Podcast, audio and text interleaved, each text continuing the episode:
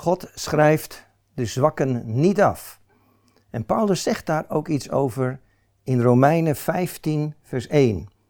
Hij zegt: Wij, de sterken, moeten de zwakken in hun kwetsbaarheid helpen en niet ons eigen belang dienen. Als je het goed leest, dan staat er dus eigenlijk: Wij die sterk zijn, moeten de zwakken kunnen verdragen. Het is natuurlijk heel erg fijn als jij kunt vaststellen dat je in Christus een nieuwe schepping bent, dat je zijn kracht hebt, dat zijn overwinning in jou is. Maar werkelijke kracht wordt pas openbaar op het moment dat we zien hoe je omgaat met de zwakken. Zwakke mensen in de samenleving. Hoe ga jij, hoe ga ik daarmee om? De ander verdragen. Het niet erg vinden als die zwak is en altijd zwak bezig is.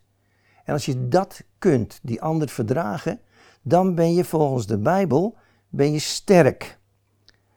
Wat me bezighoudt is eigenlijk steeds weer dat Jezus omzag naar de zwakken. Hij schreef ze niet af. En de wereld heeft een beetje de neiging om dat wel te doen. Na de storm over abortus krijgen we de volgende storm ongetwijfeld te zien.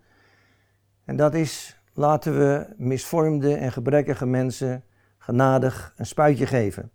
Dan zijn ze van hun lijden verlost. je kunt de vraag stellen of dat ook niet wat egoïstisch is. En dat wij dan denken, dan zijn wij ervan verlost. Dan zijn wij ervan af. En als ik dan opnieuw naar Jezus toe ga, dan zie ik hoe Hij ons het voorbeeld gaf. En als wij echte christenen willen zijn, dan schrijven we het zwakke niet af. Onze kracht ligt juist in het feit dat wij ondanks alles de zwakken willen blijven helpen. We willen heel graag dat ze toch in leven blijven, dat ze toch verder kunnen komen. Mensen die geen kant meer op kunnen, worden door christenen bezocht en getroost en ze krijgen nieuwe hoop. Ze krijgen nieuwe levenskansen. Want het leven begint niet bij 80 of bij je ziekte, maar het leven begint bij Jezus. En het houdt toch steeds weer in hoe geweldig het is als mensen Jezus leren kennen. Dat is een nieuwe start, een nieuwe mogelijkheid om uit de diepte van je pijn en moeite weer omhoog te komen.